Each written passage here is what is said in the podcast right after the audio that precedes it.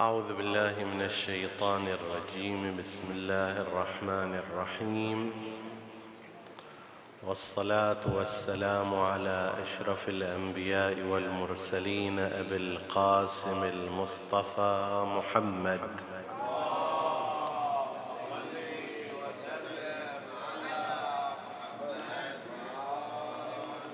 وعلى آل بيته الطيبين الطاهرين المعصومين المكرمين. السلام عليكم أيها الإخوة المؤمنون ورحمة الله وبركاته. قال الله العظيم في كتابه الكريم بسم الله الرحمن الرحيم. فخلف من بعدهم خلف أضاعوا الصلاة واتبعوا الشهوات فسوف يلقون غيا إلا من تاب وآمن وعمل صالحا فأولئك يدخلون الجنة ولا يظلمون شيئا آمنا بالله. صدق الله العلي العظيم. حديثنا في ذيل الحديث عن عقوبات الأعمال. يتناول بعض الأحاديث والمسائل التي ترتبط بقضية التهاون في الصلاه والاستخفاف بها. الآية المباركة تشير إلى أن قسما من الناس تعبر عنهم بالخلف. تعبيران يتحدان في الحروف ويختلفان باختلاف الحركة وآنئذ يختلف المعنى. وهذا من الميزات الموجودة في اللغة العربية. مثلا أنت تقول الله يشفيك هذا دعاء للإنسان بالشفاء والصحة. لكن إذا قلت الله يشفيك صار دعاء بالهلاك. الفرق هو في فتحة أو في ضمة في أول الفعل. وأمثال هذا كثير. خلف وخلف. خلف تشير إلى شخص أو جماعة يخلفون جماعة يأتون بعدهم ويكونون على على حسن السيرة. فأنت تقول مثلا الخلف الصالح المهدي. عجل الله فرجه الشريف. وتقول هؤلاء خير خلف لخير سلف. مدح في هذه الكلمة كلمة الخلف. مدح لهؤلاء باعتبار أنهم جاءوا بعد سابقيهم وساروا على سيرة حسنة. نفس هذه الكلمة لكن من دون تحريك وإنما تسكين اللام. خلف أو خلف خلف تدل على السوء خلف تدل على الصلاح. وكأنما هذه الكلمة التي فيها التسكين تشير إلى جهة مخالفة اللاحقين للسابقين. القران الكريم يأتي بهذا يقول فخلف من بعدهم مو خلف وإنما خلف. هؤلاء الخلف الفئة السيئة التي جاءت بعد السابقين ماذا صنعوا؟ أضاعوا الصلاة. واتبعوا الشهوات فسوف يلقون غيا. ينبغي أن ينظر الإنسان هل أنه هو الخلف الصالح لآبائه وأجداده وسابقيه أو لا سمح الله الخلف الطالح والسيء عن آبائه وأجداده. كانت أسرته آباؤه أجداده أسلافه من مقيمي الصلاة من المهتمين بها من المواظبين عليها. هل يكون بعدهم خلف خلف أو جاء خلف صالح؟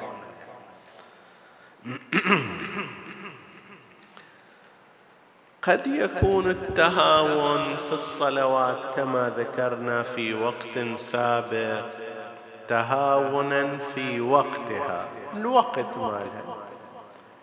لا بما ادى إلى ترك الصلاة في وقتها عمدا. هذا بعد فوق التهاون. لا التهاون أن يخليها الشكل إلى آخر وقتها.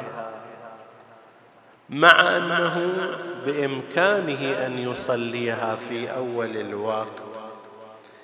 في الحديث عن أبي عبد الله الصادق عليه السلام قال قال رسول الله صلى الله عليه وآله من صلى الصلاة لغير وقتها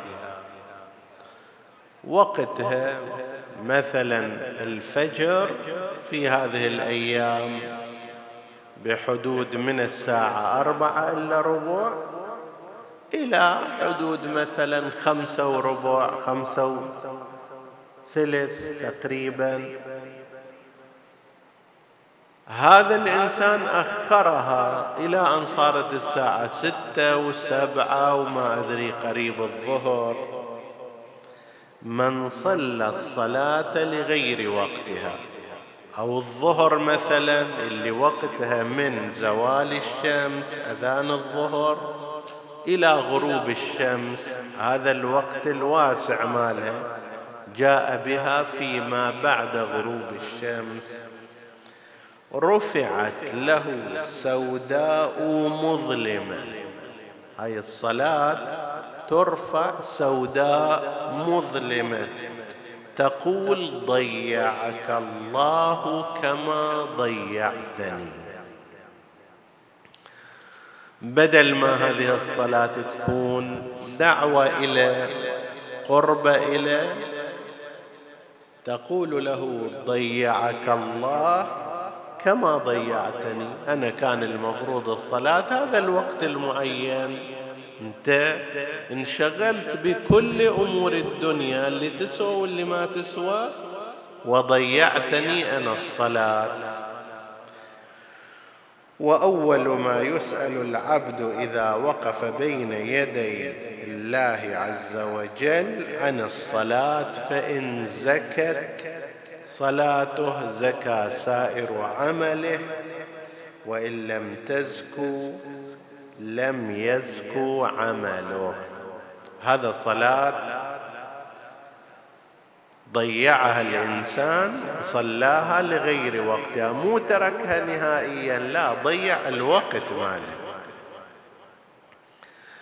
في خصوص صلاة العشاء صلاة العشاء والمغرب أول وقتها من غروب الشمس بعدها تذهب. الحمره المشرقية حدود 12 دقيقة. تزيد أو تقصر قليلا. هذا أول الوقت. وآخر الوقت منتصف الليل. منتصف الليل الشرعي. لا منتصف الليل بحسب الساعة تقول الساعة 12 مثلا هذا نص الليل. لا يختلف بحسب بحسب اختلاف الصيف والشتاء. ما بين غروب الشمس إلى طلوع الفجر عدد الساعات شقد؟ لنفترض مثل هالأيام. فرضا الساعة ستة أذان المغرب والساعة أربعة فرضا أذان الفجر. هذه كم ساعة؟ ستة إلى 12 ست ساعات 12 إلى أربعة. أربع ساعات يصير المجموع كم؟ عشر ساعات. تقسمها على اثنين خمس ساعات. تضيف خمس ساعات إلى وقت الغروب وقت أذان المغرب. إذا فرضنا الساعة ستة أضفت إليها خمس ساعات كم يصير؟ ساعة 11 مثل الأيام مثلا ساعة 11 هذا نصف الليل. هذا الأمر في الصيف يختلف عنه في الشتاء كما هو معروف وواضح. في الحديث عن زرارة بن أعين الشيباني عن أبي جعفر الباقر عليه السلام. قال قال ملك موكل عن الله عز وجل. من الملائكة يؤدي هذه الرسالة يقول من نام عن العشاء إلى نصف الليل. عن العشاء مو يعني عن الأكل. واحد يقول لا اذن الشكل لازم الإنسان ما ينام عن العشاء والأكلة ما يفوتها لا من نام عن العشاء يعني عن صلاة العشاء. من نام عن العشاء إلى نصف الليل فلا أنام الله عينه في بعض الصلوات خصصت بأحاديث وبعضها لا مطلقة. أيضا مما خصص بالأحاديث صلاة العصر. فعن أبي سلام العبدي قال دخلت على أبي عبد الله عليه السلام فقلت له ما تقول في رجل يؤخر صلاة العصر متعمدا؟ هنا بعد مو واضح هل يؤخرها إلى أن يصير المغرب فتطلع عن الوقت؟ أو لا يؤخرها ولكن يصليها آخر الوقت قبل مثلا عشر دقائق من غروب الشمس يصليها كأن من سياق الحديث فيما بعد سيأتي أنه لا هذا ما يؤخرها عن كل الوقت وإنما آخر الوقت يصليها. قال عليه السلام يأتي يوم القيامة موتورا أهله وماله موتور يعني شنو؟ يعني محروم. إذا شايف مثلا في الزيارة نقول السلام عليك أيها وتر موتور موتور يعني مصاب في أهله في عياله مقتولة عيالة رايحة عيالة. هنا الإمام يقول هذا يأتي يوم القيامة موتور الأهل والمال يعني لا فلوس ولا أهل. قال السائل أبو سلام العبدي جعلت فداك وإن كان من أهل الجنة؟ هذا حتى لو كان من أهل الجنة؟ قال وإن كان أهل الجنة.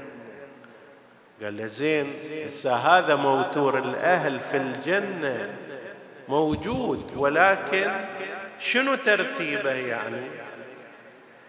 قلت وما منزله في الجنة؟ هذا الموتور في الجنة. شلون وضعه منزلته مكانه؟ قال يتضيف أهلها ليس له فيها منزل. شايف واحد مثلا في هذه الدنيا ما عنده مكان. زين كيف ينام؟ الليلة يروح عند جاره. ليلة ثانية عند صديق ليلة ثالثة عند معارف ليلة رابعة ويقضيها هالشكل كل ليلة في مكان. هذه حياة في الدنيا ممكن أن تكون محمودة. كلا. فكيف إذا كان في الجنة للناس يتنافسون فيها في القصور وهذا حتى بيت ما عنده وإنما شنو؟ يتضيف أهلها من مكان رايح إلى مكان. طيب. فهذا من يضيع صلاة العصر.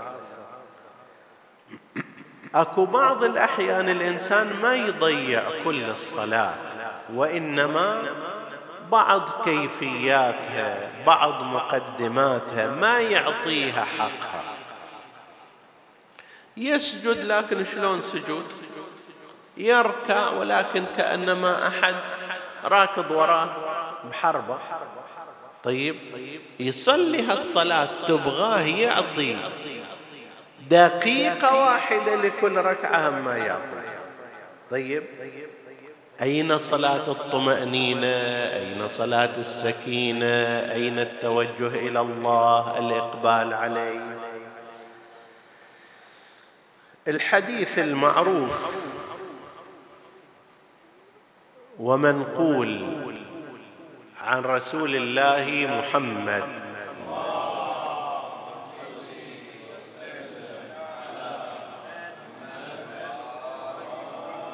وعن المعصومين عليهم السلام عن زرارة قال سمعت أبا جعفر عليه السلام يقول دخل رجل مسجدا فيه رسول الله.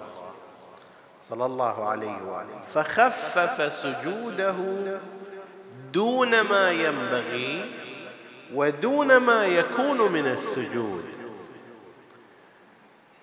السجود له درجات في جهة إطالة وتوجه وما عبد الله بشيء أعظم من السجود وما طلب الله من الملائكة بالدرجة الأولى إلا السجود لآدم وأعظم وأقرب ما يكون الإنسان إلى الله حين سجوده فيطول فيه.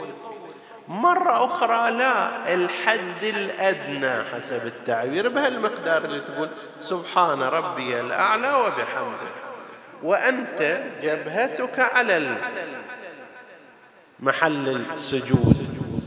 أكو قسم من الناس لا سمح الله وهو رايح هالشكل سبحان ربي الأعلى وبحمده. اللي يحصل من هذه بس الأعلى على محل السجود. وأما سبحان ربي في الرايح وبحمده في الراجع. وهذه مع التعمد تفسد الصلاة. مع التعمد تفسد الصلاة لأن هذا ليس سجودا صحيحا. الذكر واجب بعدما تضع جبهتك على محل السجود على التربة. من ذاك الوقت اللي خليت جبهتك تقول سبحان ربي الأعلى وبحمده أرفع رأسك ذاك الوقت. الاستحباب هو في أيضا أن تذكر الصلاة على محمد وآل محمد. اللهم صل على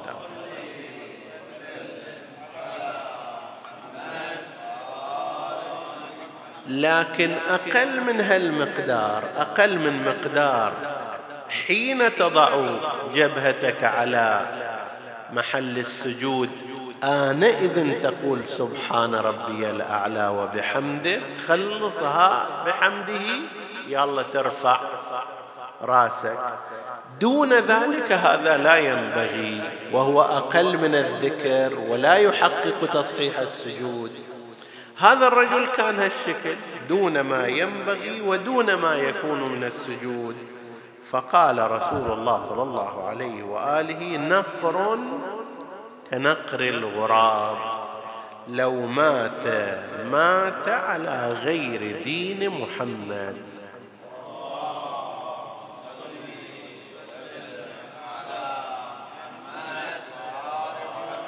لاحظوا الغراب نقراته سريعة جدا. ما يستقر فيها. وبعض الحيوانات لا ترخي راسها وتأكل سواء كان يعني طيور أو كانت حيوانات. الغراب لا إذا تلاحظ هكذا. شبيه بنقار الخشب. شلون؟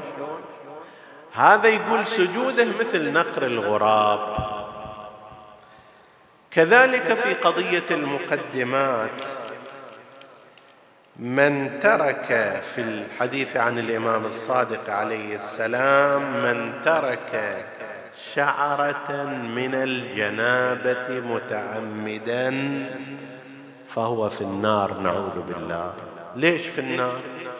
لأن هذا صلاة صلاة باطلة وهو متعمد في ذلك. الحديث هنا بالنسبة للمتعمد. أنا اغتسلت عن الجنابة وخليت مقدار ولو بمقدار شعرة صغير لو كبير ماكو فرق في هذه الجهة. وهكذا الحال في الوضوء نفس الكلام. يجب أن تعمم وتوصل الماء إلى كل أعضاء الوضوء وإلى كل مواضع الغسل وأن تغتسل بشكل صحيح. فلو تركت ذلك من غير تعمد صلاتك باطلة. ولو تركه إنسان متعمدا فهو بالإضافة إلى بطلان صلاته حسب الحديث فهو في النار. طيب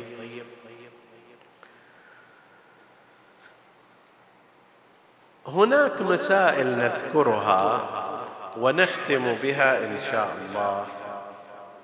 وهي مسائل محل اتفاق بين العلماء. نحن نذكرها هنا من موقع استفتاءات السيد السيستاني حفظه الله ولكن لا يختلف فيها باقي العلماء. هذه ليست من المسائل التي يختلف فيها. سؤال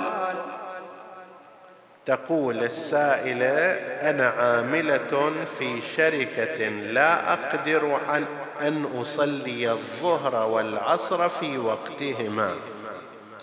وعندما أذهب إلى البيت أصلي الجميع فهل هذا ممكن؟ الجواب لا يجوز تأخير الصلاة عن وقتها أي إلى الغروب في فرض السؤال. حتى إذا كان الإنسان في العمل لم تخلق أنت للعمل خلقت للعبادة. فإذا تعارض العمل مع العبادة يقدم العبادة. على أنه لا يحصل التعارض. الصلاه لو أراد إنسان أن يصليها من دون مستحباتها لا تتجاوز أربع دقائق في مثل فرض الظهر ومثلها دقائق أربع في فرض العصر.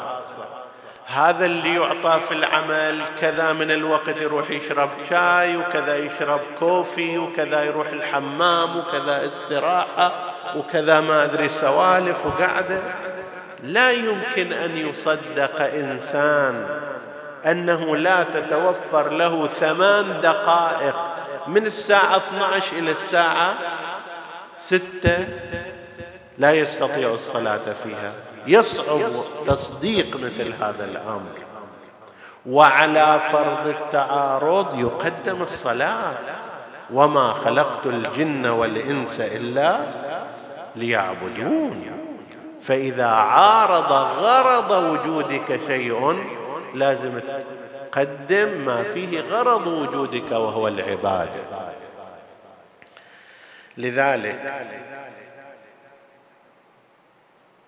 في فرض في فرض وصول إلى الغروب لا يجوز تأخير الصلاة. وإذا كنت بحاجة إلى العمل المذكور أنا إنسان هذا الرب العمل ما يعطيني وقت. أروح أغير عملي؟ أذهب لتغيير عملي. ليش الإنسان يعتبر أن العمل هذا بالذات الذي يمنعني عن الصلاة شيء مقدس. مو يوم ولا يومين طول السنة أنا هكذا. هذا عمل مقدس ما أتركه. طيب صلاتي طول السنة خلت تصير قضاء. مو سنة هم ولا سنتين معنى ذلك طول عمري ما دام أنا أشتغل معاه. إذا كنت مضطرا إلى البقاء فيه فاصلي بالكيفية الممكنة. أقدر أصلي قياما مختصرا أترك فيه المستحبات كلها بمقدار أربع دقائق خل أصليها. ما يعطوني فرصة أروح إلى الحمام يعطوني بشكل طبيعي هذا إلى بيت الخلاء. ما في فرصة للأكل ما في فرصة أن أرتب بعض الأمور. أربع دقائق للصلاة للظهر ومثلها للعصر. أفرض أنه حتى هذا ما صار. يقول في الجواب وإذا كنت بحاجة إلى العمل المذكور بحد يبلغ الاضطرار ما تقدر تحصل أي عمل آخر ولو أقل منه راتب وأنت مضطر للعمل في هذا بنحو إذا تترك هذا العمل. لا تستطيع أن تأكل لا تستطيع أن تكد على عيالك ولا أن تشرب. فأنت مضطر إلى هذا العمل. زين أترك الصلاة؟ لا صلي بالكيفية الممكنة. كيف في الطائرة لو لم يسمح لك مثلا بالقيام والقعود؟ هناك تصلي وأنت قاعد على الكرسي. كيف في المعركة إذا كانت معركة قائمة؟ طيب. وقتها ممتد ماذا يخلونكم؟ صلي وأنت على ظهر الفرس أو في الدبابة أو في الطائرة الحربية أو في كذا. المهم صلاة تأخيرها ما ممكن هذا. لا يجوز تأخيرها بأية حال من الأحوال. فصل بالكيفية الممكنة. هذا فد سؤال من الأسئلة المهمة. سؤال آخر هل يجب إيقاظ النائم للصلاة مع خوف فوات وقتها عليه؟ ابنك بالغ من الناحية الشرعية. أخوك. وما الحكم بالنسبة للوالدين؟ والداك مثلا نائمان. بالنسبة إلى الوالدين يقول يجب بل في الجميع يجب إلا مع العلم بعدم رضاه في مثل الوالد وتأذيه. إذا كان هذا يتأذى من ذلك. أنا ما مطلوب مني أن أؤذي والدي. طبعا هو مقصر في هذه الحالة. ومعاقب كيف يتأذى من تنبيهه للصلاة. مفروض هو ينبهني هو والدي ووالدتي تنبهني إلى الصلاة. فإذا أنا نبهتهم أحسنت إليهما مو يصير أنه هو يتأذى ليش قاعد تقعدني من نومتي. بل يجب إذا كان متهاونا إذا كان هناك تهاون في الصلاة يجب أن ينبه يرشد يوقظ وما شابه. سؤال ثالث. كرة القدم رياضة يمارسها الشباب وغالبا ما يتزامن وقت ممارستها مع وقت أذان. أصلا ما تحلى إلا ذاك الوقت. ما تحلى إلا وقت أذان المغرب حلاوتها في ذاك الوقت. مع ما لها من فضل إذا أديت في وقتها فهل هناك تأثير مضاعف في الإثم؟ الجواب تأخير الصلاة عن أول وقتها وإن لم يكن حراما. ليش؟ لأن وقت ممتد. من الغروب إلى نصف الليل ولكن يفوت المكلف بذلك فضيلة أول الوقت. وقد عد ذلك في بعض النصوص المروية عن أهل البيت عليهم السلام عد تضييعا للصلاة. شنو معنى التضييع؟ ورد في بعض الروايات عدم الصلاة في أول وقتها هذا تضييع. تقول له ضيعتني ضيعك الله وأمثال ذلك من التعابير. سؤال آخر إذا علم المكلف يقينا أنه لو سهر في الليل إلى ساعة متأخرة سوف لن يستيقظ لصلاة الصبح. فهل يحرم عليه السهر آنئذ؟ البعض تشوفه مثلا في الليل يظل سهران. مشاهدة كرة فيلم ألعاب ما أدري إلكترونية سوالف غير ذلك. يوصل إلى عادة إلى قبل ساعة ساعة ونص من وقت الصلاة. سبحان الله. ذاك الوقت يبدي في النوم وعادة مثل هذا لا يستيقظ. سأنت إما إذا كنت تريد تسهر اسهر إلى أن تصلي صلاتك. وإذا لا كان ينبغي لك أن لا تسهر بحيث تضيع عليك الصلاة. الجواب يقول إذا عد تهاونا في أداء الواجب فلا يجوز. أنا كل متعود أسهر لا سيما الآن. جاية العطلة الصيفية فيسهر. ليلة ليلتين ثلاث أربع عشر. والصلاة وين صلاة الفجر التي كانت على المؤمنين كتابا موقوتا؟ إلى الساعة ثنتين ونص ثلاثة. هو قاعد بعد ذلك يختفي عن الالتقاط إلى الساعة تسع وعشر عشر. هذا إذا مرة ومرتين قد يكون له باب أما إذا صار هذه سيرة الإنسان وطبيعته. طيب ولا سيما إذا لم يجعل منبها ولم يوصي أحدا بإيقاظه فهذا يعد من التهاون. وإذا عد من التهاون لم يجوز.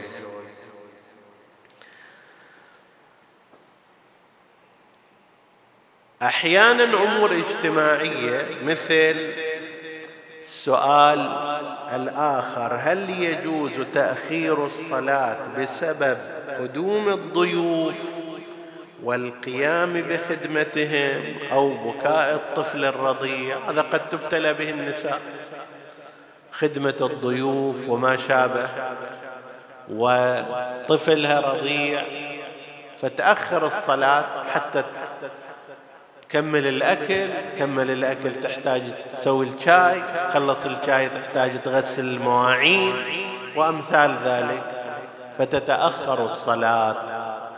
يقول لا يجوز تأخيرها حتى ينقضي وقتها بما ذكر من المبررات ولا غيره تأخير الصلاة إلى خارج الوقت لا يوجد مبرر له. ويستحب تقديمها في أول وقتها. في سؤال أم ابتلائي؟ يقول هل يجوز التلهي بمشاهدة فيلم ممتع؟ ثم يحين وقت الصلاة ويستمر المسلم بمشاهدة الفيلم. الحين هذا بيخلص الفيلم باقي ربع ساعة نصف ساعة. وهنا أنبه أنا إلى نقطة وهي ما أدري هل هي متعمدة من قبل أصحاب القنوات وهي قنوات مسلمة المفروض ولا سيما بالنسبة إلى الأطفال. ألطف الأفلام الكراتين وأكثرها تشويقا قريب وقت الصلاة. قبل الصلاة بنصف ساعة بربع ساعة يبدي هذا. شي يشيل هذا الولد من الفيلم ماله اللي يراه لا سيما وهم صغار. طيب إلى الصلاة. إن ضغطت عليه راح تكره إلى الصلاة. إن خليته يشاهد. يتعود بعد أن الصلاة لا تساوي قيمتها قيمة فيلم من الأفلام. وأحيانا يكبر على هالأساس. ولذلك يتعجب الإنسان أن هؤلاء المبرمجون أن هؤلاء المبرمجين في هذه القنوات هل هم ملتفتون إلى هذا الأمر ويريدون إفساد الجيل أو غير ملتفتين أو غير ملتفتين؟ هو مثلا ما يفكر أنه هذا الوقت وقت صلاة وبالتالي. إذا كان الأول, الأول فطام وإذا كان الثاني ففجيع. كل منهما أمر. أنت تبرمج لجيل مسلم بحيث تعود على أن وقت الصلاة ما أروع أنه وقت الصلاة كما تصنع بعض القنوات الهادفة. وقت الصلاة قبله بقليل. تمهيد ثم بعد ذلك قراءة قرآن ثم أذان ثم مقدار اللي يقدر الواحد يصلي. هذا الطفل سوف ينشأ هذه التنشئة الحسنة أحيانا يصير عكس ذلك. أمتع الأفلام تجعل في ذاك الوقت ثم يحين وقت الصلاة. ويستمر المسلم بمشاهدة الفيلم حتى إذا انتهى العرض ذهب لأداء صلاته ولو قبل انتهاء الوقت المحدد للصلاة بفترة قصيرة. يقول لك باقي ساعة ساعة ونص خلص هذا بعدين أروح أصلي. الجواب لا ينبغي للمسلم تأخير الصلاة عن وقت فضيلتها إلا لعذر. وليس منه ما ذكر. مشاهدة الفيلم ليست عذرا لتأخير الصلاة عن وقت فضيلتها فضلا عن وقتها الأصلي. نسأل الله سبحانه وتعالى أن يجعلنا من مقيم الصلاة ومن ذرياتنا. لاحظوا أن نبي الله إبراهيم على نبينا وآله وعليه أفضل الصلاة والسلام. من أهم أدعيته رب اجعلني مقيم الصلاة. بس أنا لا ومن ذريتي. طبعا هذا ما يكفي أنه فقط واحد يدعو وإنما يصمم على ذلك ويبرمج حياته على هالأساس ويربي أبنائه على وذريته على هذا الأمر. نسأل الله أن يجعلنا مقيمين للصلاة في أول وقتها خاشعين فيها وأن يجعل ذرياتنا خير خلف منا حتى يدخلوا الجنة آمنين مطمئنين. وصلى الله على سيدنا محمد وآله الطاهرين.